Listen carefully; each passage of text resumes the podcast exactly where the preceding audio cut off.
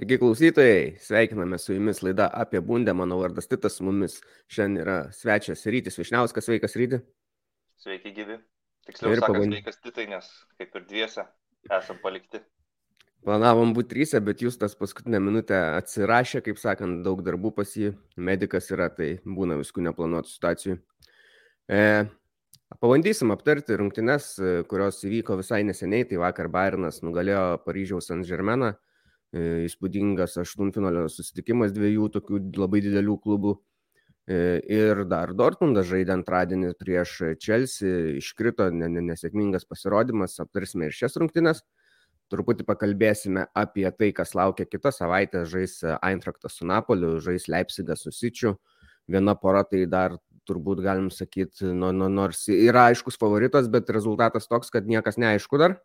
Na, Eintraktas e, pralaimėjo savo pirmąjį mačą, bet, bet, bet galbūt atrasim kažkokių pliusų, kaip jiems išsigelbėt būtų įmanoma.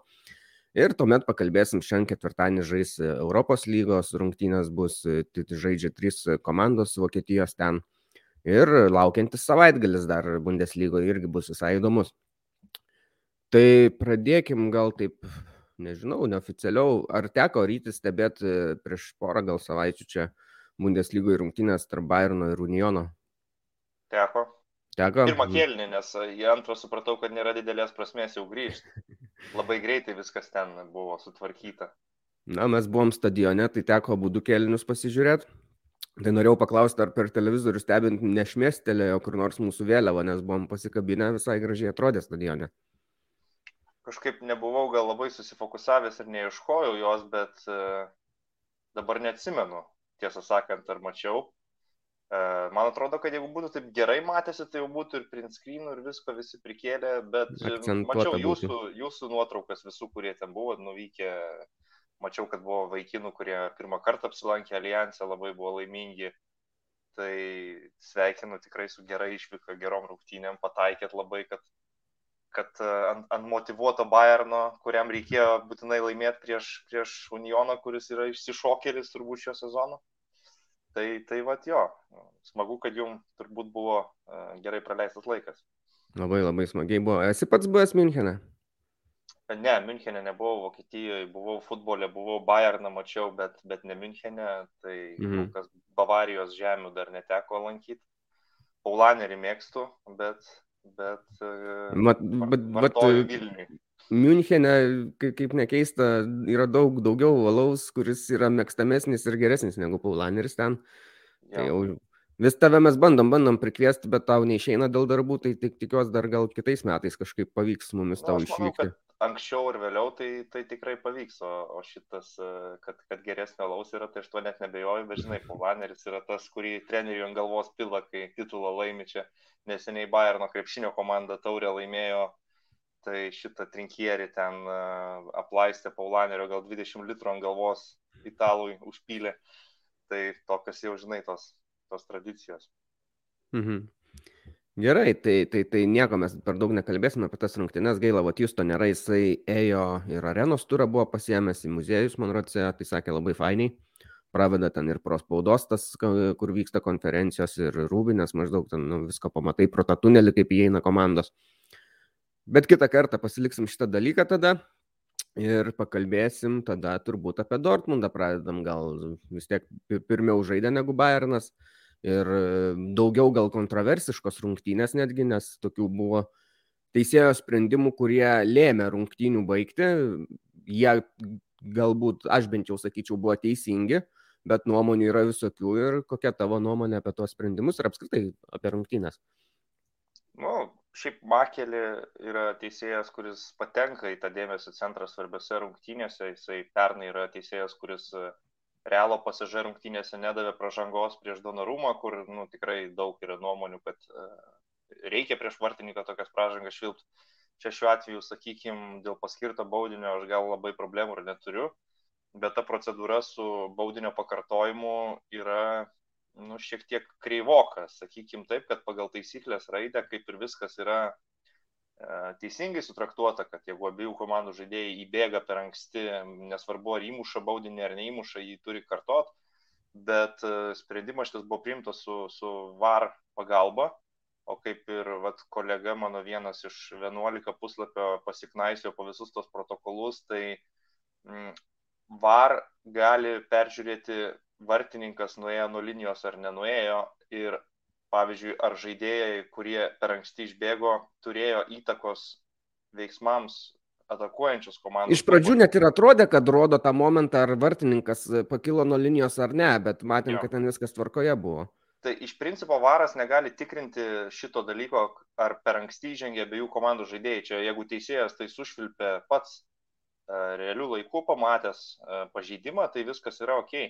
Nes jeigu pažiūrėsite į Dortmundo futbolininkus, kurie įbėgo į baudos aikštelę, tai realiai nei vienas iš jų netrukdė žaisti kamolį Čelsio futbolininkams išnešti kamolį, bandyti atakuoti ar kažkas tai tokio. Havertzas į kamolį žaisti negali, nes jis pataikė į virpstą ir, ir, ir jisai negali lies kamulio, nes tam, kad e, baudinį mušantis žaidėjas galėtų antrą kartą lies kamulį, jis turi e, būti atmuštas vartininku.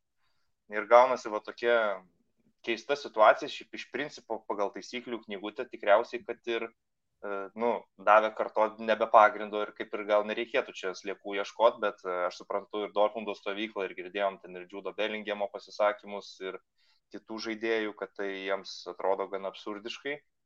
Bet jeigu apie pačias rungtynes, tai nežinau, manau, kad jau pirmose rungtynėse Dortmundai iš tikrųjų Chelsea pakankamai gerai atrodė ir progų turėjo ir tiesiog jų neįmušė, pavyko Borusijai įgyti persvarą po vienos geros kontratakos adėjami pasižymėjus, bet antrose rungtynėse. Chelsea buvo tikrai užsikūrę, jie Premier lygoje šį sezoną tokie kaip daržovės atrodo, bet čia panašu, kad čempionų lygoje motivacijos randa, buvo tikrai labai užsivedę Jau iki pirmo tai įvarčio buvo tų progų iš Šelsio, ar ne? Ir Sterlingas buvo išbėgęs vienas pats, ir tas pats Sterlingas ten nuošaliai tokioje milimetriniai vos neatsidūręs buvo. Tai jo, tokių progų turėjo gerų. Havertzui virpsta tas labai geras buvo. Tikrai net atrodo prieš fizikos dėsnius, kad kamuolys nuo virpsto ne į vartus nulėkė, o iš vartų. Sterlingas garsėja, aišku, progų švaistimų, čia gal nėra kažkas naujo, kad jis ten išbėgė, susimalo, nepadaro kažko, bet, bet galiausiai jisai pats ir įmušė tą pirmą įvartį ir, nu, Aš manau, kad Čelsis e, buvo per dvi rungtynės vertinant taip geresnė komanda, aštresnė komanda, solidesnė kažkiek namie ir gynyboje, kai jau 2-0 pirmavo, tikrai pakankamai tvarkingai sustovėjo. Mm, Dortmundas ten ne, neturėjo ypatingai gal gerų progų, vienas kitas epizodas, ten po standarto kažkur, ten tas Wolfo smūgis į, į vartų plotą, bet iš principo tai gana desningas, man atrodo, galutinis rezultatas, kad Chelsea praėjo kitą etapą, nors jeigu žiūrėsim į lygas, tai Premiership'e Chelsea, sakau, yra visiškai vidutiniokai turnyro lentelės, o Dortmundas tarsi eina ant titulo, bet nu čempionų lygos kontekste visada būna nau, nauja istorija. Labai gaila, nes vis tiek tas, kad, kad, kad ir atrodė truputį gal Čelsis geriau, bet, bet susikurtas pranašumas pirmose rungtynėse, na, uh, davė daug labai šansų, kad gali praeiti Dortmundas, plus ta, ta Čelsio forma tokia Premier lygoje, kaip sakai, nelabai kokia, tai įveikiamas varžovas buvo tikrai. Rungtinių pradžią dar vat, norėčiau prisiminti, kuomet e, galvoju, vat, pirma, pirmam susitikime naujasis Čelsi savininkas ten filmavo, kaip Dortmundo fanai iškelia ten, ten savo fairius choreo. E, matyt, labai jam patiko, tai vat, gal, gal, gal paskatino ir Čelsi dabar namų rungtynėse, nes irgi buvo puikiai pasiruošę fanai, irgi iškėlė tokį didelį gražų plakatą, mačiau. E, kas turbūt irgi didžiulis minusas buvo, kad Dortmundui rungtynių pradžioje gavo Brantas traumą, labai anksti pakeistas, o jisai, na, toks kaip ir lyderis dabar buvo labai stabiliai ir gerai žaidė Bundeslygoje, muždavo įvarčius prie Terzičiaus yra atsigavęs žaidėjas. Tai čia toks. Adėjami plus irgi negalėjo žaisti. Visiškai sutinku dėl, dėl Branto, jisai čia po pasaulio čempionato pertraukos tikrai e, spindi, tapo lyderiu, vos nežvaigždė komandos galima sakyti ir turbūt čia yra geriausia jo atkarpa per visą laiką Dortmundė, kai jis atvažiavo nu, iš Leverkuseno, nes prieš tai būdavo toks labiau rotacijų žaidėjas, vienas geras rungtynės sužaidžia, paskui tris rungtynės pradingęs būna, tai dabar buvo labai stabilus, tai aišku, kad e, ta trauma labai nelaikur ne vietoj pasitaikė. E, dėl, dėl Chelsea savininko, tai man apskritai yra jisai tokia įdomi figūra, nes įprastai tie amerikiečiai savininkai, kurie nusiperka Premier lygos klubus, nu jie paskiria savo žmonės, kurie ten rūpinasi dalykais, o jiems tai yra tiesiog biznė investicija, jie, jie gale metų žiūri finansus, kiek uždirbo, kiek prarado ir taip toliau, o Čelso tas Todas Baulis e, visur skraido su komanda, visur važinėja, visur tą šalį apsirišęs, kaip tu matei, ten Dortmundo Ultras filmavo, tai jis lygiai taip pat Premier lygos kiekvienose rungtynėse su telefonu, ten, nežinau, gal žmonai siunčia nuotraukas ar ką. Tai nu, įdomi persona, sakykim taip. Aišku, ten tas jų sausio mėnesio transferų langas yra kažkas protų nesuvokiamo, čia per futbol menedžerio žaidimą neišeina netgi tai padaryti ir tiek išleisti, kiek jie realybėje išleido. Bet jo, jie čempionų lygoje perėjo į kitą etapą ir tu matai tą sudėtį ir, ir, ir supranti, kad nu, žaidėjai tai geri, kažkada jie gali sužaisti ir taip jau pasitaikė, kad Dortmundas gal nu, nelaikų ne vietų šoko ant to Čelsio. Kajus Havertzas, man atrodo, prieš Vokietijos komandą toks labai jau stipriai užsivedęs ir ten Žavo Felixas pranašavo prieš rungtynės, kad Havertzas įmuš prieš Dortmundą ar ne.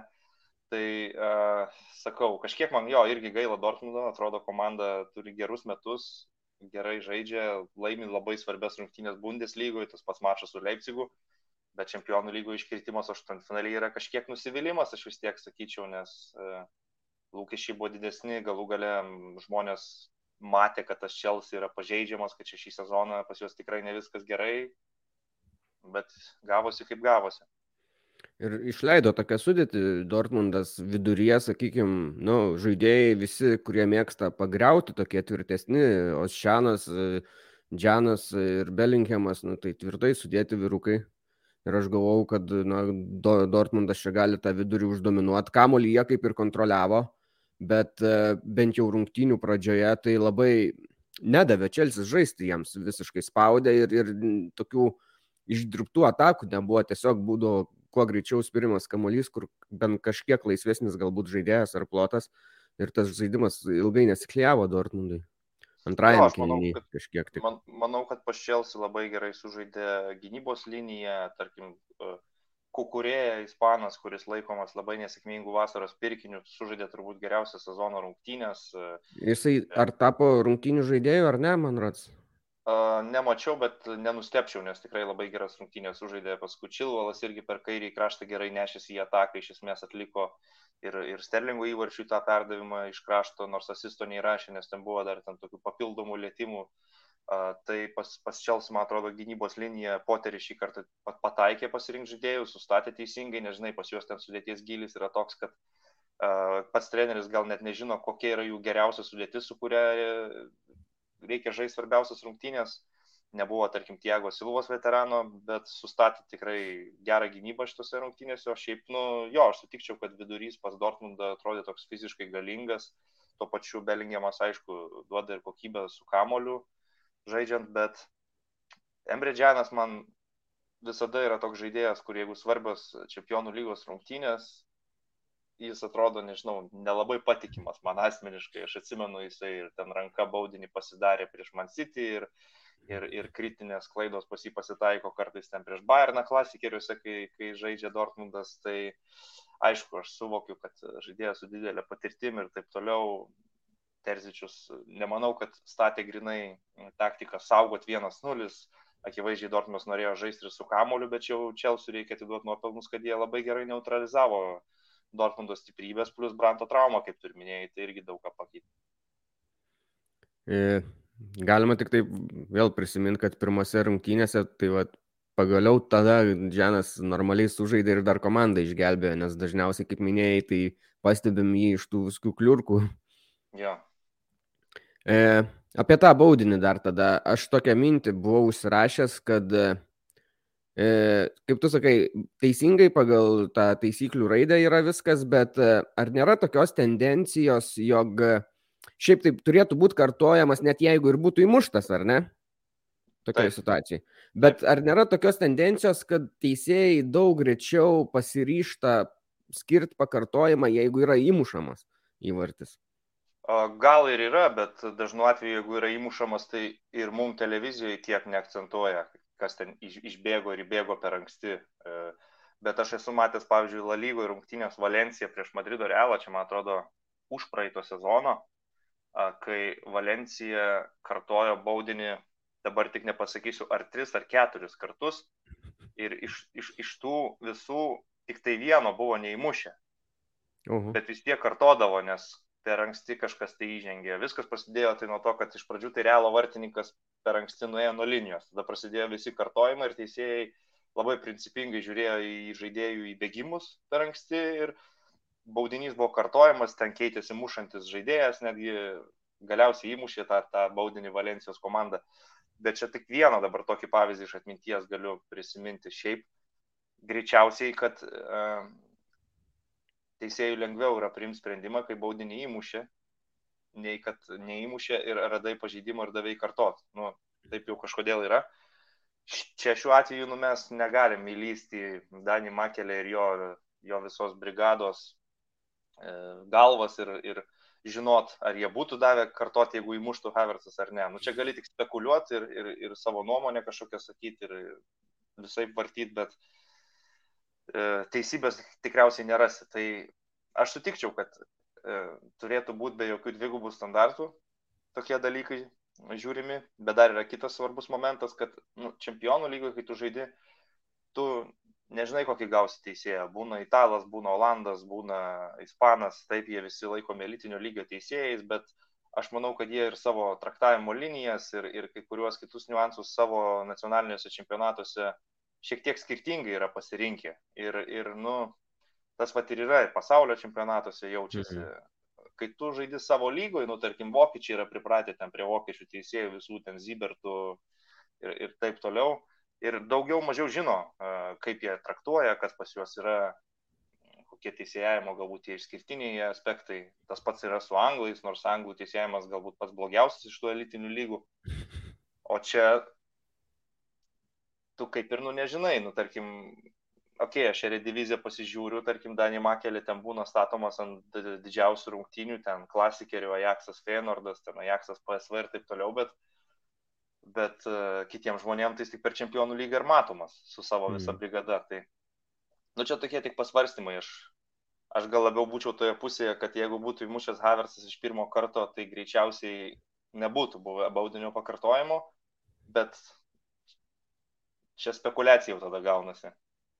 Aš net tiek ant šitų rungtynių turėjau, norėjau susikoncentruoti tą, tą, tą savo mintį pasakydamas, bet kad apskritai, na, būna, labai dažnai būna, kad žaidėjai įbėga truputį anksčiau, bet, bet, bet na, ne, ne, ne taip dažnai ir liepia pakartoti. Matai, čia šiuo atveju yra esmė, kad turi įbėgti abiejų komandų žaidėjai per mhm. anksti. Mhm. Nes, sakykime, jeigu Čelsio žaidėjai tik Čelsio įbėga per anksti, ir baudinys yra įmuštas, tai kaip ir viskas ok. Pažeidimas šito vietoj bus tada, jeigu Čelsio žaidėjas neįmušė, o tie per anksti bėgę žaidėjai pakartojo smūgį. Mhm. Tada akivaizdus yra taisyklių pažeidimas be jokių klausimų. Čia taip yra dėl to, kad abiejų komandų žaidėjai bėga per anksti ir tai jau yra... Nu, Osčianas, man atrodo, ar ne? Ir, ir, ir Čelsi žaidėjai berots pirmi ir bėgo, jisai instinktyviai turbūt nusivylė juos. Jo, bent vienas pirmas tai Čelsi tikrai įbėgo, o jam iš paskos ten jau keli gel, geltonais marškinėliais. O Šianas tikrai buvo, man atrodo. Nu, bet čia nesmė. Aišku, Gerai, tai... Dar vieną dalyką, sorry, norėjau pasakyti mm. dėl, dėl, dėl, pavyzdžiui, Havertzo, kad nu tokioje situacijoje dažnas žaidėjas susikeičia netgi su komandos draugu, duoda kitam smūgiuoti, nes tau jau neišėjo, mhm. dabar antrą kartą smūgiuosi. Tai Havers atveju įdomu tai, kad jis pataikė virpstą, bet antrų bandymų darė visiškai tą pačią rutiną, su trumpu įsibėgėjimu, su pauze ir smūgiavo visiškai tą patį kampą. Tai tikrai parodė kiaušų, sakyčiau, šitoje situacijoje vokietis. Tai jums turbūt būtų svarbu, kad rinktiniai dažniau rodytų. Aišku, čia tiesa, tiesa, aš Sutinku, antrą kartą, iš karto antrą kartą smūgiuoti turi būti psichologiškai daug sunkiau, nes nu, pradedi mėtyti, nu bent jau atrodo, kad gali pradėti mėtytis čia ten pat, mušti ne ten pat, nu, sunku tikrai. E, mačiau, klausė vienas skaitytojas, klausytojas, e, ar Dortmundas čia pajėgus kovoti dėl Bundeslygos, tu atsakėjai, kad nemanai, bet e, šiemet mes intrigą Bundeslygoje gal nelabai galim skūstis, ar ne? Ir pereinant, pabaigiant šitom čempionų lygos rungtynėm, tai Dortmundas jau, kaip sakant, iškrito dėl vieno titulo, dėl kurio gal tik teoriškai ir kovojo, bet liko du, žais dar taurėje, yra tarp aštuonių stipriausių komandų, tai ten bus lauks dvi kovos su Leipzigu balandžio pradžioj. ir Bundeslygoje turi lygiai taškų su Bayernu, tai, tai, tai intriga gera, šansų yra juk. E, faktas, tai matematinių šansų ir visa kita. Ir šiaip Dortmundas šį sezoną sužaidžia geras rungtynės ten, kai labai svarbu, kai tikrai sunku, va ir su Leipzigu tas geras pavyzdys praėjusį penktadienį buvo, bet, bet žinai, dar bus ir klasikeris tarpusavę, mes žinom, kad kai tas klasikeris daug lemia, tai Bayerno žaidėjai labai rimtai pažiūri į reikalą ir būna visokių rezultatų, būna ir po penkis. Gal šį kartą Dortmundo Borussia nėra tokia jau pažeidžiama, kad čia kiek nori tik įmuš Bayernas prieš juos, bet aš manau, kad vis tiek tas titulo likimas labiau priklauso nuo Bayerno nei nuo Dortmundo. Dėl intrigos tai be abejo visą laiką malonu, kai, kai iki paskutinių turų bent jau nėra aiškus čempionas. Jeigu nueitume iki 34 turų dar nežinodami, kad Bayernas yra čempionai, tai jau būtų, manau, tikrai geras sezonas visiems, kurie mėgsta Bundesliga, nebūtinai serga už Bayerną. Šiaip man patinka Dortmundas, kaip atrodo, viskas yra tvarko ir jie ir į priekį žiūri ir panašu, kad ten Bensebainyvą planuoja pasimti į kairį mm. kraštą ir, ir atakuojančių žaidėjų, tarkim, pasirinkimą jie turi labai didelį. Bet tada Guerreiro turbūt išvyks. Jo, manau, kad taip, manau, kad nu, at, vis labiau panašu, kad Terzičiui labiau ir tinka toks truputėlį fiziškai stipresnis e, krašto gynėjas, kuris gali geriau pasiginti, nes jie dabar tą Riersoną dažniausiai stato Guerreiro labiau toks į ataką, bet gynyboje yra gana silpnas, sakyčiau. Aišku, Dortmundui vasara bus greičiausiai Belingemo e, pardavimas. Ir... Saugo reikės, nes ir Dahudas išvyks, sakė, nepratęs sutarties viskas. Turės pinigų, tai įdomu, kaip tos pinigus sugebės investuoti, bet e, šį sezoną tai taip, jeigu Dortmundo Borusija, tarkim, titulo lenktynėse, kad ir pralaimi, bet ten antra vieta, o laimi dar taurę, tarkim, tai būtų puikus sezonas, žiūrint iš, iš Terzičiaus pusės. Jis jau yra laimėjęs beje taurę su Dortmundu tada, kai dar buvo uh, vadinkim, toks laikinas treneris, kai jau visi žinojo, kad Marko Rozė vietojo ateis, bet, bet laimėjo tada prieš Leipzigą finale. Tai, tai jo, tokie pamastymai, šiaip klostosi sezonas gana įdomiai, ne tik, ne tik dėl titulo, turim čempionų lygos kovą, dėl išlikimo man šį sezoną yra kosminė kova, o ten gal net visas įdomumas pastaruoju metu vyksta. Tuo aš pajungsiu ekrane vaizdą, kad galėtų ir e, matyti mūsų klausytojai truputį lentelės. Mm, mm. Labai daug paveikslėlio esu prisikėlęs, tai... O, prašau. Teisingai. Ir, ir čia yra kalta dėl to atsigavusi šalkė, kuri pradėjo rinkti taškus, pakilo iš to dugno, dabar aplenkė net Bochumą, nu, turi lygiai taškų ir su Kofankam, ir su Bochumu, bet lentelėje aplenkė Bochumą. Ir 20, 20 taškų 14 vieta Herta, tai čia penkios komandos dėl tų trijų vietų ir net keista, kad Augsburgas taip yra atsispyręs, e, septyni taškai nuo Hertos. Tai aš sakyčiau, čia bent jau kol kas, bent kokiem trim, keturiem turam juos mes išmetam iš tos kovos, o, o, o tie penki klubai reikia turbūt pripažinti, kad kažkuriam iš tų didesnių klubų grėsia žaisti pereinamasis, bent jau geriausiu atveju tai arba Hertai, arba Stuttgartui, arba Hoffenheimui. Nu, Štutgartas jau yra susidūrę su tuo ir, ir jei prisimeni, tai Štutgartas buvo ta komanda, kuri Unionui, tuo metu dar labai kukliam Unionui pralaimėjo pereinamasis. Ir istorija rodo, kad Unionui tos pereinamosios rungtynės e, praktiškai visą klubo ateitį nulėmė, nes dabar tai yra komanda, kuri Europos lygoje išmetinėja va, Ajaxą, mano o, o Bundeslygoje, nu gerai, ne dėl titulo kovoja, bet dėl, dėl ketvirto, kas irgi yra įspūdinga. O Štutgartas, nu prašau, vėl sezonas įtemptas, neaišku, liks, neliks, nors šiaip komanda atrodo turinti ir finansų stabilius, ir rėmėją gerą, ir viską, bet, nu, ta Bundeslyga kartais tokia. Komanda visai gera, bet aš, aš supikau ant jų, jie, manau, padarė nelabai gerą sprendimą, kad jie tą laikiną trenerį, kur, kuris buvo po, po Materazo Vimeris. Jis buvo asistentas ir jisai e, vadovavo komandai bent keliose, daugiau gal net rungtynių ir visai geriau atrodė Štutgartas prie jo ir jie nusprendė vis tiek pasimti Labadiją, kuris yra, nu, mes visiškai žinai, ką tu gausi iš to trenerio ir jis ten stebuklų kažkokių tikrai nepadarys. Galbūt jie svarstė, kad tiesiog dėl to išlikimo, kad patyręs treneris sugebės kovoti, bet rezultatų vis dar visiškai jokių nėra ir jau pradedama abejoto Labadiją. O Vimeris, kadangi negavo tos vietos, tai nusprendė nebebūti asistentų ir išvyko į Vienos Austriją treniruoti būti pagrindiniu treneriu. Tai va, man šitas momentas nepatiko ir Mislintatas, buvęs sporto direktorius Štutgarto, komentavo dabar, kad irgi jau, na, aišku, kai jau nebedirbi klube, gali drąsiau, tai sako, nežinau, čia ar Labadija yra pats tinkamiausias variantas Štutgartui. Nu jo, čia gal ir geras kampas, aš tai dar pas, pasakyčiau, kad e, labai man keistų matyti būtent Hoffenheimą šitoje visoje kovoje, nes jie sudėti turi pakankamai gerą ir ta sudėtis netrodo, kad ten labai stipriai būtų pasikeitus nuo praėjusio, už praėjusio sezono, ten ir kokybės, ir, ir visko jie turi, ir buvo labai stabili komanda, tokia vidutinė turnyro lentelė ir netgi į Europą besikabinanti, nu jau nekalbu, kad ten su Nagelsmanu jie iš vis čempionų lygoje žaidė, tai dabar matom, kad jie visiškai be formos komanda, leidžiasi žemyn vos ne kiekvieną savaitę ir tas mane labai stebina, nes pagal tą sudėtį iš, iš vat, penkių komandų, kurios mes čia kaip nusprendėm kapojasi dėl išlikimo, tai tikrai Hoffenheimas turi geriausią sudėtį. Taip. Čia dabar naujas paveiksliukas jūsų ekranuose, tai penkios prašiausia forma dabar demonstruojančios komandos per paskutinius paskutinius susitikimus, tai Hoffenheimas visus juos pralaimėjo Ir, ir keista matyti yra ir Wolfsburgas, ir, ir Gladbachas tarp jų, ir Stuttgartas jau minėtas. O Hoffenheimą dabar ir treniruoja buvęs Stuttgarto treneris, tas Materaco. Jo, jo. Nu, Gladbachas, tai, žinai, jie, čia yra jų klasika. Jie nugali Bayerną ir po to kitą savaitę pralaimi bet kam absoliučiai ten. Šiuo atveju buvo ten. Atsimenu, Visą sezoną jie ruošiasi tom rungtynėm. Jo, jo, jo. O paskui nuo Mainzo 0-3. 4. 0-4 netgi. Jo.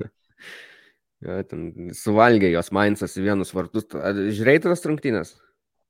Žiūrėjau tuo metu atostogose, buvau. Tokios žiūrėjau. klaidos paskutiniai gynėjai savo linijoje kamulį atiduoda, tiesiog bėkit, muškit.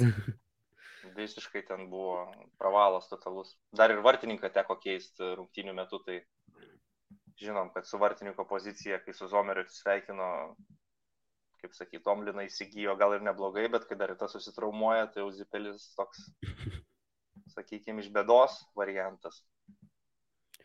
Tuoj pakalbėjom apie prašiausiai atrodančias komandas, o štai dabar geriausiai atrodančios, tai Mainzas atrodo buvo aprimęs čia prieš tą žiemos pertrauką, bet po jos grįžo su e, labai gerais rezultatais, keturios pergalės iš penkių, trečia geriausia forma demonstruojanti komanda.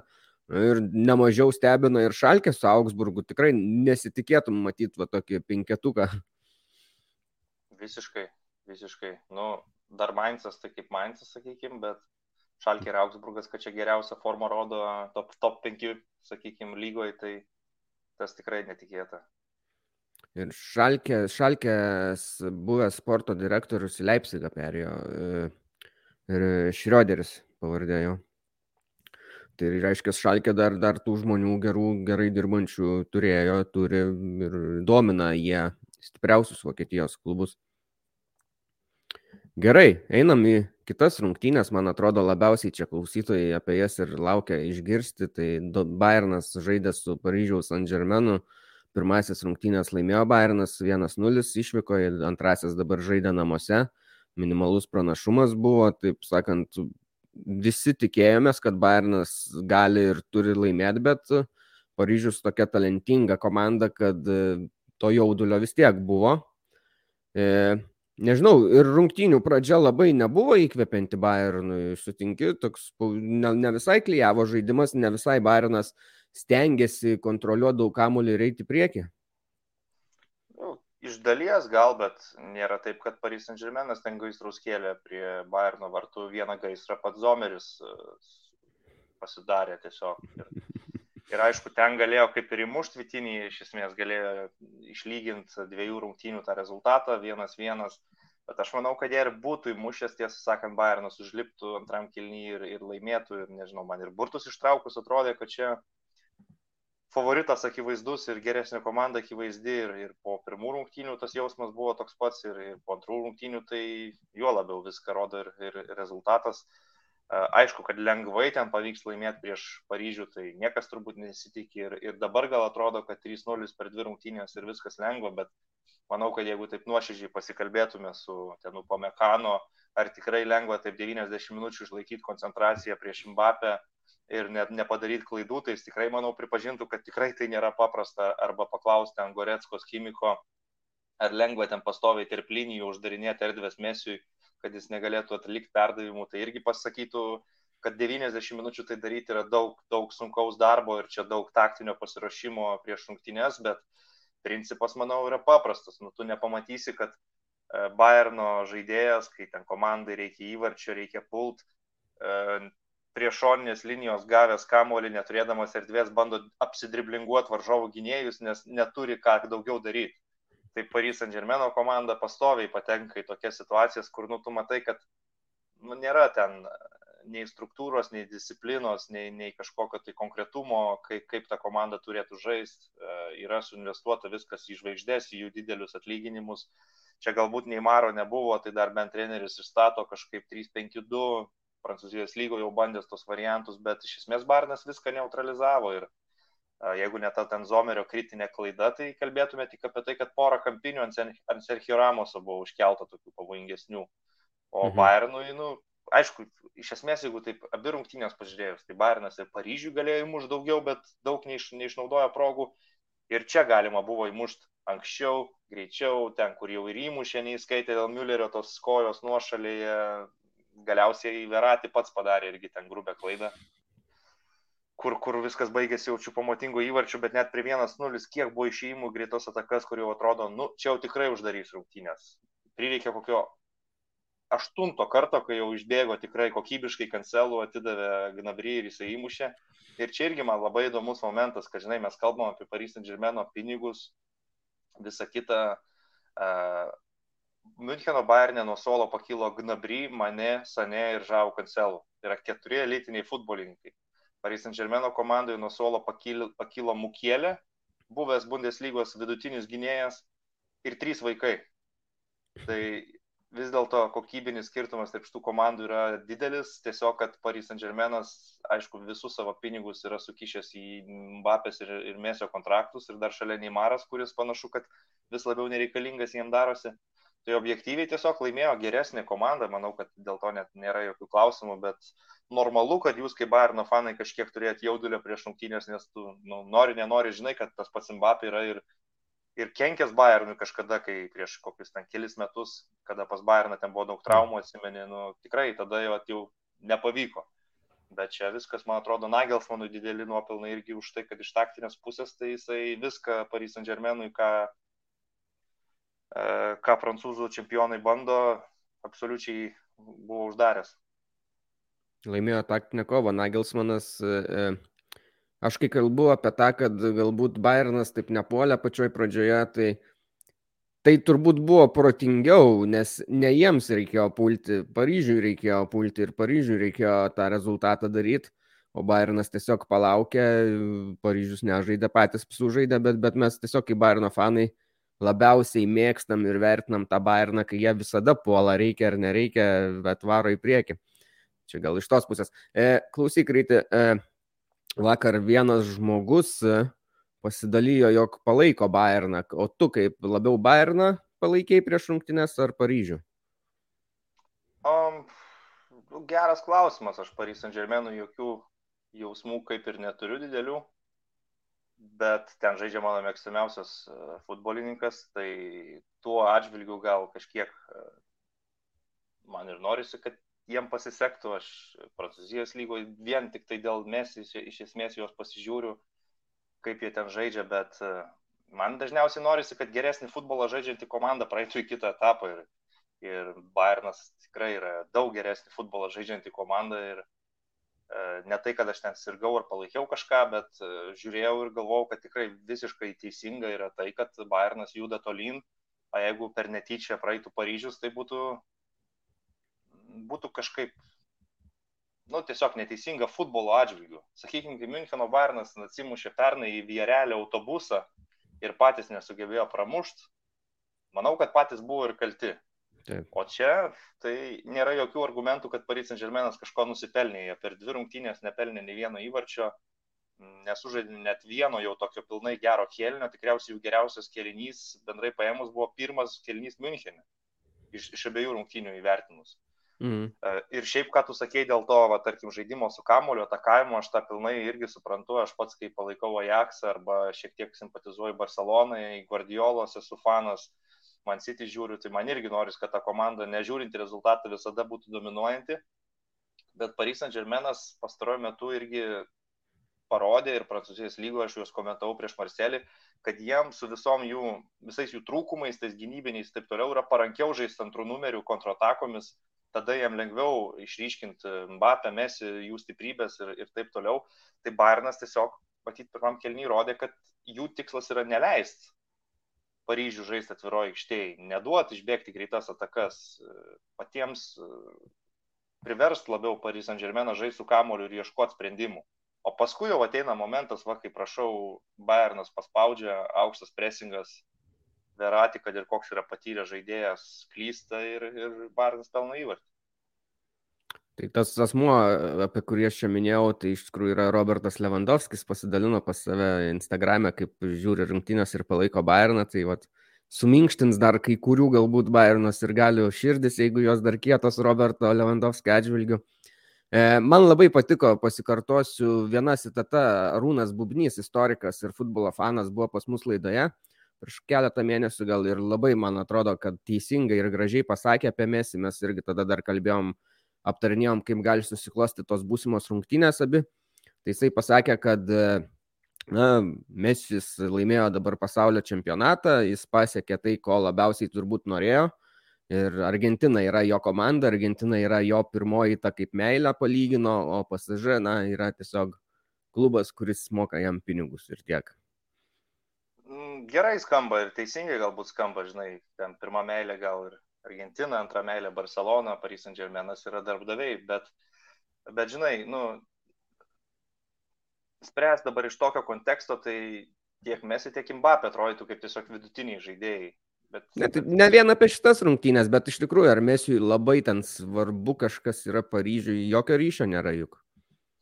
Tas tiesa, bet kitas dalykas, tai Paris Saint Germainas patys priėmė tokius sprendimus, patikėjo, kad gali būti Mbappé, Neymaras ir Mesi kažkoks tai laimintis e, trejetas, kai visi trys nesigina, vienas dar ten tai balevoja, tai traumos gydosi, o Mesi nu, vis tiek jau greit bus 36 metai, jisai sužaidė, kaip, kaip, kaip sakot, gyvenimo turnyrą savo su nacionalinė rinktinė, kur tikrai ten atidavė jau visą širdį ir, ir tikėtis, kad dar mes įgrįžęs dabar į pasažę draskysis, plėšysis, ten dirbs be kamulio ar kažką tai darys, tai tikrai to nebus. Uh, ir, ir tai yra žaidėjas, kaip bebūtų nueinantis, jau gal po šito sezono jis ir į MLS važiuos ar kur, ar, ar dar metus nuspręs prasitęs Paryžiuje. Pra, Prancūzijos lygoje jam pilnai užtenka to talento, kad jie net ir be didesnių pastangų susikurtų tris epizodus, kur vien ta, ta, ta kokybė, ta klasė jiems leidžia įmušti įvarčius ir jie laimi titulą, bet čempionų lygoje, kai atsimuša į tokią komandą kaip Müncheno Bayernas, akivaizdu, kad to negana paprasčiausiai. Ir, ir jo, nu, aš, aš jeigu turėčiau galimybę įtakot tai, kas vyksta pasaulyje, tai mano valia būtų tokia, kad Messi būtų ir karjerą užbaigęs Barcelonoje ir net nebūtų šito jo karjeros etapo Paryžiuje. Bet, nu, gavosi taip, kaip gavosi. Ir čia nežinau, nu, Paris Saint Germainas tiesiog turi tiek daug pinigų, bet jie juos iš sportinės pusės tiesiog labai nelogiškai investuoja, nes e, kita, tarkim, Šeichų komanda, kuri yra Mančesteryje, atidavusi sportinius sprendimus žmonėms su kompetencijom, treneriui, sporto direktoriui ir, ir nu jie neperka žaidėjų komerciniais tikslais. O kai nusipirki veteraną komerciniais tikslais, nu, tai žinai, bet trūko dar, kad sausio mėnesį Kristijanų Ronaldo būtų pasiemę, mhm. nes tas lais, laisvas agentas buvo. Tai. Aš sutikčiau, gera istoriko mintis, jisai, jisai turbūt teisingai sako, man, man mėsi, žinai, kad ir kaip jisai čia užbaigs karjerą, gal blankiai jau gesta, matosi, kad ir to greičio nebeturi ir viską, visada liks mėgstamiausias žaidėjas ir jo pasiekimai su Barsa, su Argentinos rinktinė galų gale, nu jie niekur nedings ir mes pagal tai prisiminsim, o ne pagal šitą Paris Saint Germaino dviejų sezonų kažkokį tai etapėlį. Faktis, Pirmas faktis. sezonas ten apskritai buvo negyvas, dar šitam sezonė, sakykime, jis pajuda, ten lygoj turi ten 12 įvarčių, 11 asistų ar kažkas tokio. Stebina e, Maksimo Čiopų motingo formą tave kažkiek dar e, Gerai, čia už, už, užteks tie klausimą, po to kitą užduosiu. Hmm. Nu, žinai, viena vertus gali sakyti, kažkas tai stebina, kita vertus, taip, jisai įmuša įvarčius, įmuša įvarčius geroj komandai, jam sukuria, jisai įmuša viskas tvarkoj, jisai profesionaliai labai žiūri į savo situaciją, ar žais nuo suolo, ar žais startę, visada šimta procentų duoda ir už tai yra vertas ir pagarbos, ir, ir naujo kontrakto, ir viską. Bet e, jeigu pažiūrėsime rungtynę su Paryžium, tai nu, jisai sugeba pasimaišyti nuošalėje Jozo Kimichui, kur galbūt būtų pasiektas įvartis. Tai manau, kad polėjas turėtų geriau skaityti tokias situacijas. O įvartis, kurį įsimušė, tai nu, pripažinkim, ten jau saldainiukas jam tiesiog, nu, bet kuris polėjas turi mušti tokį įvartį. Uždaryti ir viskas. E, ir, ir smagu, kad jis Bayernui labai dabar padeda, smagu, kad Nagelsmanas jo pasitikė, bet kitą sezoną, manau, turi grįžti prie šito klausimo. Pratęsė kontraktą su juo ir dar algą padvigubino. Jo, bet aš tikiuosi, kad ne kaip pagrindiniam būsimam polėjui, kuris žais startę kitą sezoną visose rungtynėse, nes, nu, Aš manau, kad gerai yra turėti tokį žaidėją, kuris nesiskundžia, kuris gali eiti nuo suolo, kuris vis laik stengiasi. E, jam labai svarbi, matomai, yra komanda, jisai, nu, pats gal karjeroje net nesvajojo, kad kažkada tokiam klube kaip Bayernas žais. Tam pačiam Paryžiaus žemėnė prieš tai dar žaidė. Tai viskas su juo yra ok. Aš džiaugiuosi už jį, džiaugiuosi už jo įvarčius, bet aš... Ar neužauks sparnai jam, ateis kitais metais, jeigu polėjas naujas pagrindinis ir sakys, kodėl, taigi žiūrėkit, va, skaič, skaičiai pernai metų, aš deliverinu, viską padarau, tai kodėl čia dabar? Nu, aš galvoju, kad gal ne, nu vis tiek jam jau kiek 32 metai berots.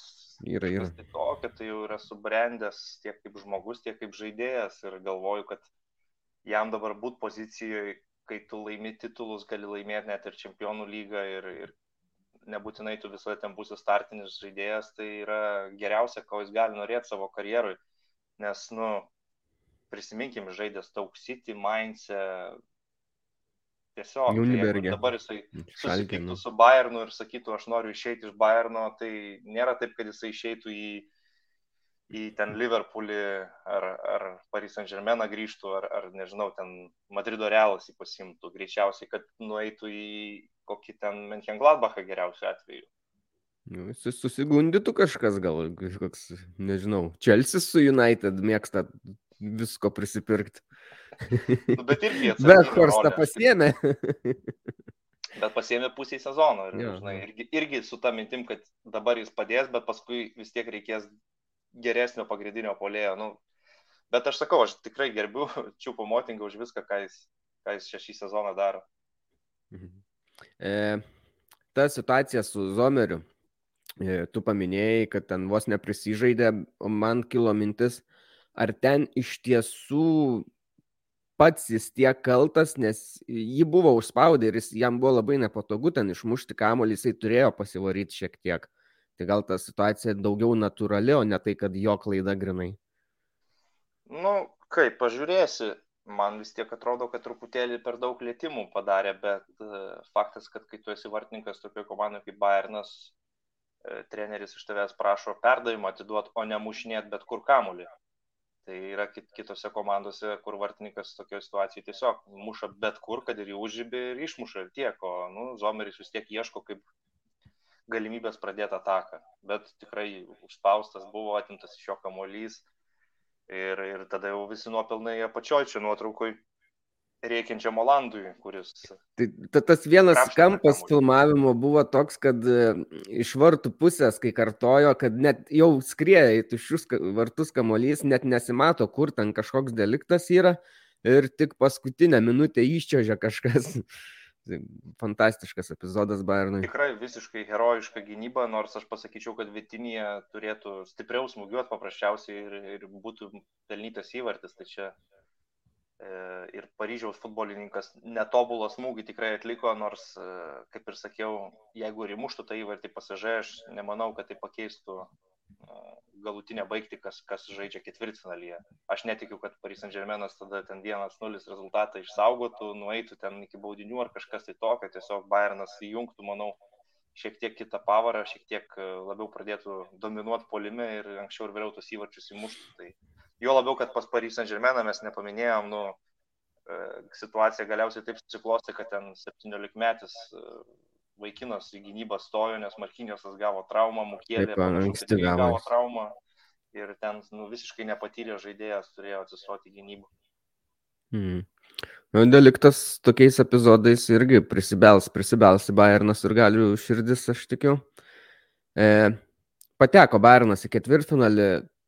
Ar yra kažkokia komanda, kuri šiai dienai galėtų būti baisi, nes dabar aš žiūriu, jau yra keturios aiškios komandos, tarp jų Bairnas, tai tos trys, tokios, kur gautum ketvirtfinalį ir iš esmės džiaugtumės beveik. Aišku, ten Benfica gerą formą demonstruoja viską, na, bet Bairnas kitas žvėris.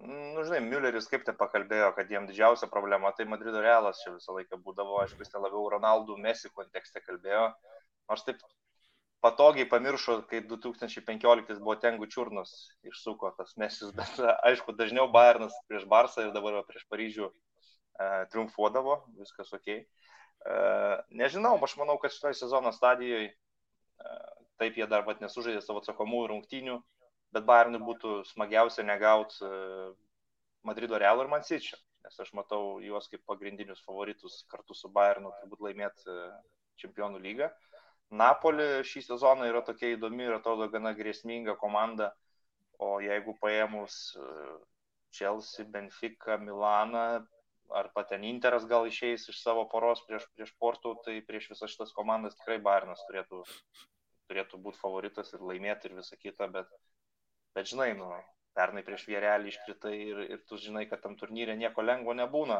Yra vat komandos, tu gausi ten kokį Milano Interą, jie ginsis panašiai kaip vierelis gynės ir, ir pramušinėti tą gynybą nėra taip paprasta. Jau du kartus šiemet e, buvo nugalėti. Teisingai, grupėje jo. Uh, nežinau, šiaip iš futbolo pusės, tai aš galvoju, nu, įsitraukus tokį Chelsea, Chelsea vis tiek patys bando žaisti ir nebus ten, kad autobusai vartus statosi ir greičiausiai Bayernui tai gautųsi gal ir visai palanku. Mhm. Bet sakau, kokybę Bayerną pralenk arba bent lygintis gali Realas ir Man City išlikusių komandų. Nu, Sičiui reikia patekti dar.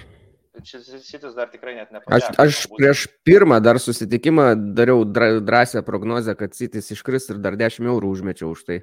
Taip kad viltis gyva. Nu, gyvi tavo eurai dar tikrai sutikčiau jo, bet aš tiesiog taip galvoju, kurios komandos, nu, taip, Bayerno taip. lygyje žaidžia. Tai gal dar Napolis, sakykime, pagal šį sezoną, nu, tai irgi ketvirtfinalė tokios, tokios formos varžovo gal nesinorėtų. Mhm. Burtai bus kovo 17 dieną ir gali gauti bet kurią komandą, net ir vokišką, jeigu išeis Leipzigas. E, ir tuo pačiu bus ištraukti dar ir kelias, e, su kuo gali žaisti pusfinalyje. Bus aišku iš karto. Ja. E, gerai, turbūt tiek apie Bayerną aš galvoju, ar ne? Gal užteks apie jį mum. Kito, kiti susitikimai, tai vad Leipzigas su Sičiu ir Eintraktas su Napoliu. Kokios prognozės iš tavo pusės būtų? Um, manau, kad Leipzigas yra neblogoje visai pozicijoje po pirmų rungtynių, ypač pagalvojus tai, kaip jie atrodė pirmam kėlinį, tai kad jie antram sugebėjo Marko Rozė atlikti keitimus, įleisti Hendriksą, pakeisti žaidimą ir visiškai pelnytai įmuštas buvo įvartis, tai gal kažkiek teikia vilčių. Gvardiolas žibėjo, ar ne? Nu, Gvardiola yra, nu čia yra klasika, kad jeigu jisai čempionų lygoje žaidžia pirmas rungtynės išvykoje. Ne, ne, aš žaid... ne apie Pepą turiu omenyje, o apie gynėją Guardiolą. Atsiprašau, jo, nu, ne, nu, tai jisai žibėjo pasaulio čempionate, tai jau kas. kas Bet ir tose rungtynėse gerai atrodė labai. Tai tose antram kelnynį ten visi gerai atrodė. Pirmas kelnys buvo visiškai nepavykęs ir ten galbūt ir taktika pasirinkta jau per daug tokia gynybinė. Mm su tokiu žaidimu nesimatė, kaip gali Leipzigas ten bent kažką susikurti. Tai tikrai antram kelnyje jau treneris viską pakeitė ir, ir sutikčiau ir Guardiolas, ir Soboslajus, ir visi buvo gyvi. Leipzigą gal yra, yra nerimo dėl konkutos sveikatos, tai jau pasveiko, atrodo, grįžo su Dortmundu žaidė startę, paskui vėl paskelbė, kad kažkokia trauma atsinaujinusi, neaišku, jisai ar žais ar ne.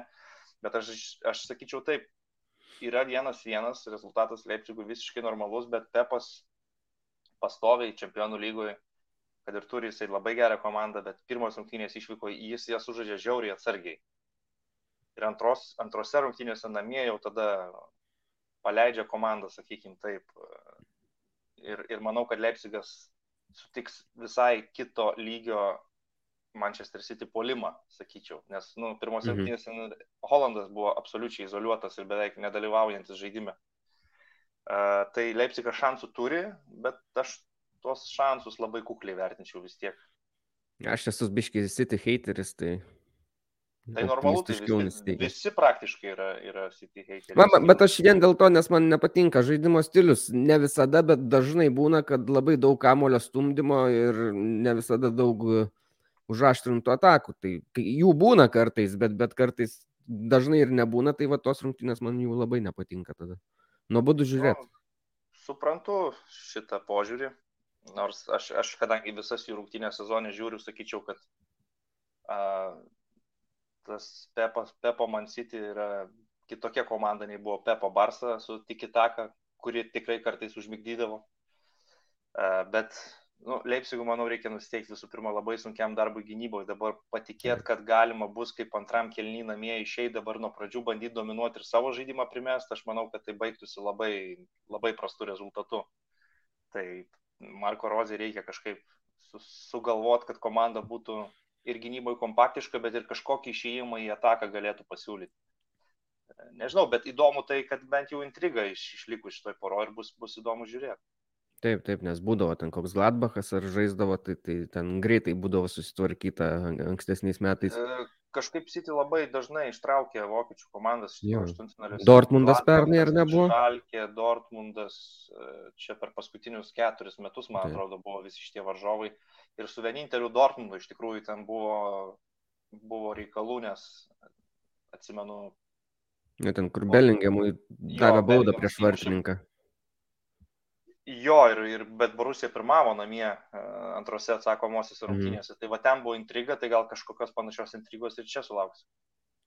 Nu, Eintrachtą nurašom turbūt, aš kažkaip kiek mačiau tas pirmas rungtynes, tai neįkvepiantis buvo žaidimas, ten Napolis galėjo dar daugiau įmušti įvarčių, į nuošalių buvo, tai nu, visiškai ištampė juos, po to jau, kai jau turėjo rezultatą, ten parodė gyvybės ženklų Eintraktas, bet labiau turbūt ne dėl to, kad patys perlaužė rungtynės, o kad situacija jiems tai leido jau. Um, jo, aš sutinku, kad nelabai čia nelabai čia yra šansų Eintrachtui. Pirmos rungtynės jas šiek tiek pagadino į raudoną kortelę. Manau, kad tokia, nu, labai nelogiška raudono kortelė Kolomonį, nes kur jam dėti tas kojas, jeigu varžovas po juo pats palenda. Jo, ten geltoną reikia rodyti, nes nu, tikrai nespecialiai viskas buvo. Ne, man ten per griežtas tikrai buvo sprendimas iš teisėjo, bet kita vertus, Napoli yra tikrai geresnė komanda už Eintrachtą, dėl to jokių klausimų ir neįsivaizduoju, kas ten turėtų atsitikti Neapolėje, kad Eintraktas e, sukurtų stebuklą, ten kažkaip įmušt greitą įvartį, netyčia kažkaip po rikošeto, tada visi gali patikėti Napolio žaidėjai, nes tvarkyti su spaudimu, nu, visokių dalykų būna atsitinka šitam sportė, bet e, logika sako, kad čia šansų nėra.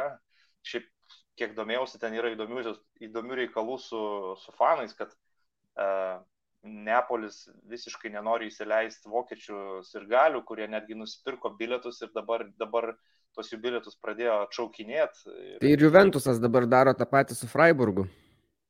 Tai italai kažkokį čia, nežinau, keršto planą prieš vokiečius ar ką pradėjo, bet, bet bando neįleisti fanų, kas man atrodo kvaila šiais laikais ir, ir nesuprantama, kam to reikia ir kodėl reikia taip elgtis, bet uh, už už Bet, futbolo aikštės, sakykime, taip reikalai vyksta ten. Pavyzdžiui, su, panašu, kad viskas aišku.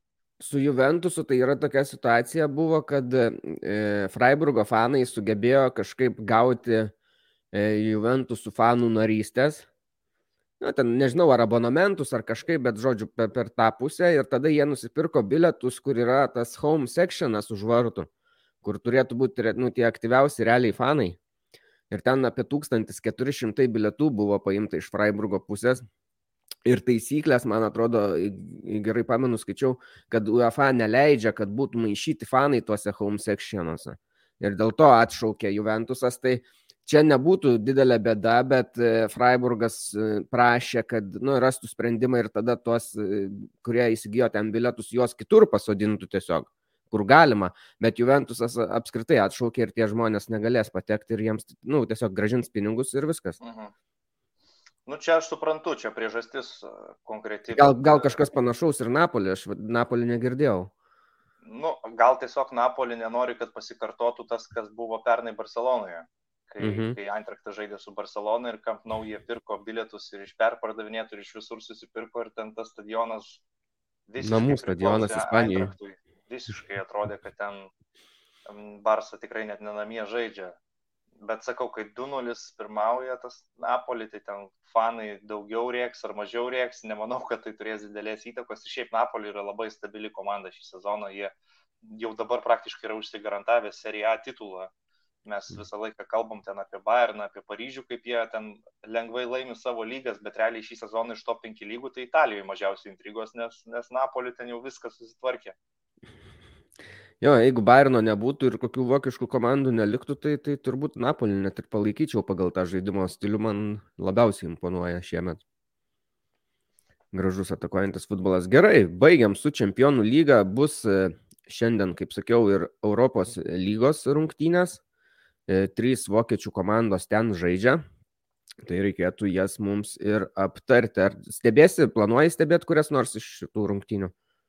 Žinok, šiandien būsiu su, su Kauno Žalgiriu Eurolygoje, mhm. bet uh, aš kaip visada grįžęs paskui pasižiūriu Atsisakė. bent jau highlightus, o jeigu Vai. kažkurios tikrai įdomesnės rungtynės, tai ir įrašą. Bet kadangi čia dar tik pirmos rungtynės, o ne, a, ne antros atsakomosios, tai greičiausiai ten pilnų įrašų gal ir nežiūrėsiu, pakaks, pakaks highlightų, bet yra įdomių porų, ne tik su vokiečiais ir, ir tarp kitų komandų, bet e, Vokietijos klubam tai tikrai Europos lyga neblogai klostosi kol kas šį sezoną. Praėjusiame tris... etape pavyko įveikti tikrai labai rimtus varžovus, tarkim, Leverkusenas išmetė Monako, Unionas išmetė Ajaxą, e, Freiburgas beros. Freiburgas nežaidė, nes jie jo, pirmą vietą jėmė. grupę. Mhm. Mhm. E, tai gerai, pradėkim. Unionas žais prieš kitą Unioną ir čia mane šiek tiek nustebino, aš galvojau, kad negali susitikti komandos, kurios žaidė grupiai, bet e, gali. Tai būtent šios dvi komandos ir žaidė grupėje, abi dvi išėjo, abu du unionai ir pasidalijo abi po vieną pergalę, vienas nulis, jeigu gerai pamenu. Tai e, šiaip burtai unionui, sakyčiau, labai geri, nes tas uniono komanda iš Šveicarijos berots, ar ne? Belgijos. Belgijos, ok. Tai, nu, tikrai nėra stipri komanda, nepaisant to, kad grupėje nebuvo lengva unionui su jais, bet man atrodo, iš to, ką galėjo gauti, tai turbūt geriausias praktiškai variantas. Uh, turbūt jo, tik tai, žinai, Unionas, nu, jie patys savęs negali dar laikyti kažkokių grandų ir elitų, kad uh, vertintų kitas komandas kaip ten silpnas ir vos ne antras sudėtimi veikiamas. Jo labiau, kad Unionas tas antros sudėties praktiškai ir neturi, ten rotacijos labai mažai. Ir, ir aš nujaučiu, kad dabar pas juos šiaip bus ta dobelė Bundeslyga, jau jaučiasi nuovargis pas juos. Labai gali būti, tikrai sutinku. Uh, Bet jiem, aš manau, jie privalo laimėti tiesiog namie pirmas rungtynės ir, ir reikia bent dviejų įvarčių persvarą įgyti, nes mhm. Belgijoje tai nebūtinai ten viskas taip jau lengva bus. Ta prasme, Unionas, nu, e, rezultatus fiksuoja spūdingus, bet vis tiek niekas juos dar vis nežiūri kaip ten elitinė komanda, nėra taip, kad jie ten turi individualiai ten super stiprius kažkokius žaidėjus, e, jie, aišku, gynyboje yra labai solidus, čia Ursui Fischeriui daug komplimentų už tai, kaip jisai padarė darbininkų komandą aukštam lygiai. Bet pirmas rungtynės, aš manau, jam reikia laimėti bent dviem įvarčiais. Nu, aš galvoju, kad gali būti koks vienas nulis tiesiog kartosis. Tai tada nebus lengva Belgijoje atsakomosiuose, kad ir kokia ten ta belgija. Ten irgi, komanda. manau, gali būti vienas nulis ir tada pratesimas. Visiškai įmanoma, aš manau. Gerai, šiek tiek įdomesnė gal pora, nes komanda žaidžia įdomesnį futbolą, tai Leverkuseno Bayeris prieš Ferencvaros vengrų komandą. E, irgi neprasti burtai, vis geriau negu gauti arsenalą, kokį, kuris tikrai labai gerai žaidžia šiemet, ar ne, ar Real Betis, kuris pavojingas yra. Jo, faktas, kad tikrai galėjo išsitraukti daug e, sunkesnių varžovų. Leverkusenas, šiaip Ferenc Varošas, e, netaip seniai dar ir Čempionų lygos e, grupės buvo pasiekęs, teko kažkiek tada juos matyti ir stebėti. Ir kažkiek jų tas žaidimo stilius gal netgi primena vokiškai, jie bando žaisti tą tokį futbolo su aukštu presingu, atakuojantį. Vengrų lygoje visiškai dominuoja, yra pirmi, ten 14 taškų lenkia antrą vietą ir akivaizdu, kad jie į, į Europos lygą deda visus resursus, visi prioritetai yra čia ir, ir stengsis.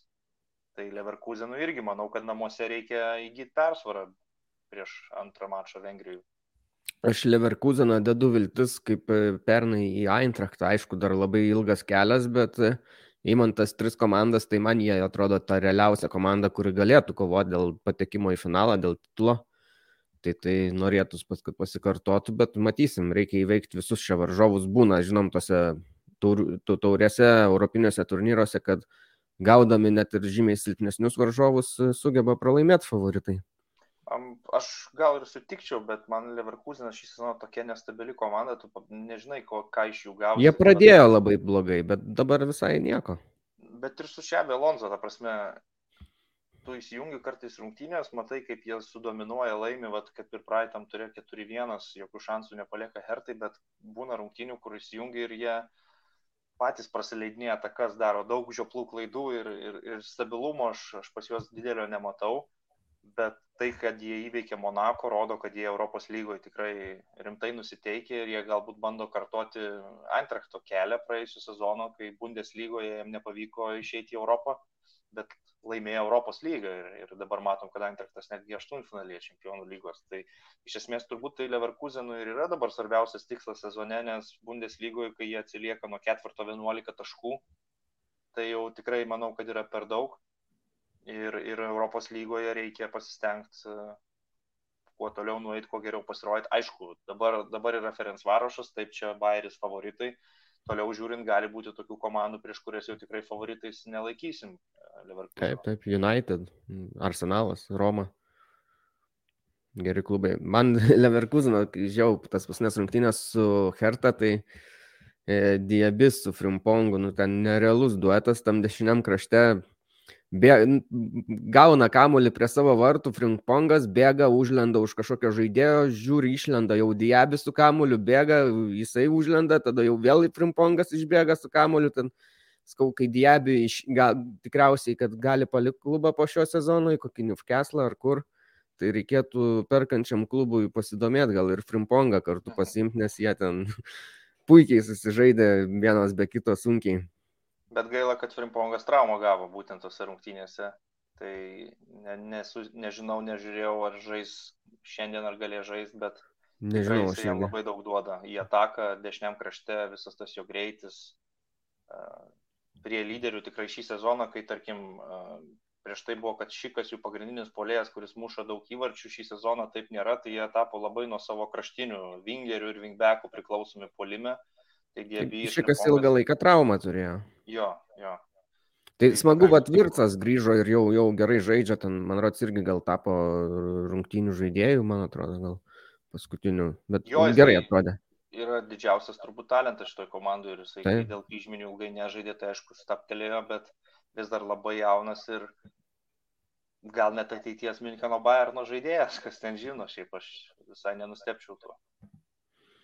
E, Tuoj dar vienas vaizdas ir man atrodo mes jau judėsim link pabaigos. Tai Unionas su Ajaksu, kai žaidė, buvo užkūręs tokį pragarėlį ir gavo baudų. Ir, ir Bayernas gavo už pirmas rungtynės su pasižai irgi baudų iš UEFA. Nu, taip, eh. tai čia, čia jau normalu. Normalu, aišku. Šiaip Unionas su Ajaksu abi komandos turinčios labai e, galingą fanų bazę, gerą palaikymą. Tai ten tiek Berlyne, tiek ir Amsterdame buvo puikia atmosfera, abi rungtynės žiūrėjau. Tai va. Gerai, tai einam turbūt į savaitgalį, kuris jau ne už kalnų.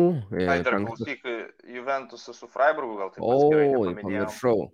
Pamiršau, tai pamiršau. Aš sakyčiau, atakuojančio futbolo mėgėjams gal ir nėra ta pora, kurią labai nori žiūrėti.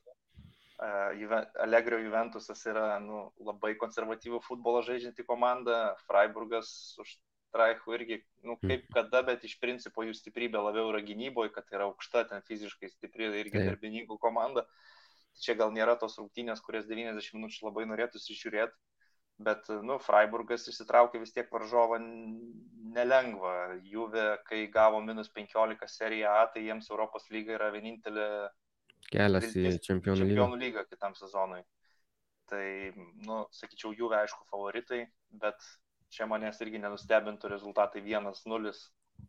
Tai viena tai kita pusė, nes bus, bus manau, kad labai atsargus futbolas. Tai turi Freiburgas šiek tiek šansų, ar ne? Vien dėl to, kad galbūt nebus daug įvarčių iš abiejų pusių. Jo, tuo aspektu gal kažkur ten standartinės situacijos ir kaip jie tikrai ant standartų yra. Grifo kokį baudinuką iš toli. Ka, kas nors tokio, vis tiek italas prieš Juventusą, jam turėtų būti didelis stimulas, bet Juve pastaruoju metu, aišku, neblogai atrodo, labai gerą formą įgyjęs Di Marija. Ir kaip be pažiūrėsi, nu Juventusas yra ryškus favoritas poroj. Gerai, einam į tą ateinantį savaitgalį, penktadienį žais Kielnas su Bochumu. Kielnas visai neblogai atrodė jau paskutinėse rungtynėse prieš Unioną. E, nenusileido, netgi geresnė komanda, sakyčiau, buvo negu Unionas. Ir smagu visada man yra žiūrėti šią komandą, kai ją treniruoja Baumgartas, vėl jisai e, su Ursu Fischeriu eina pasisveikinti, Fischeris su paltuku apsirėdęs, Baumgartas pamaikęs atvaro ramiai, nešalta šitam vaikinui. Yeah. Tada šeštadienį Bayernas prieš Augsburgą. Yeah. Šiaip Augsburgas ir, irgi yra ta komanda, kuri mėgsta nubausti Bayerną. Buvo jie čia kažkada pernai gal uh, nutraukė tą labai ilgą Bayerno nepralaimėtų rungtynių seriją. Čia yra derbis Bavarijos, ar ne? Ir taip, yra Bavarijos derbis. Ir Augsburgas po pertraukos šiaip visai gerai atrodo, jau nusipirkė, yra tos kelis polėjus neblogus ir, ir, ir tikrai geriau atrodo, negu buvo galima tikėtis iš jų. Eintraktas su Stuttgartu žais, geros rungtynės, Hertas su Mainzu, na čia gal netokios jau įdomios. Na, ir Leipzigas su Menchengladbachu įdomus susitikimas tikrai. O labiausiai norėčiau akcentuoti, tai šeštadienį vakare žais Dortmundas prieš Šalkę. Ir nors tai yra skirtingose lentelės galose esančios komandos, bet tai yra vadinamas derbių derbis, derbių motina Vokietijoje labai labai E, ryškus ir e, gilę istoriją turintis derbis, vienas svarbiausių derbių Vokietijoje. Tai man atrodo, tos vietos e, tokiuose rungtynėse praranda šiek tiek reikšmę ir ten komandos kapojasi lygiau negu lentelė nurodo.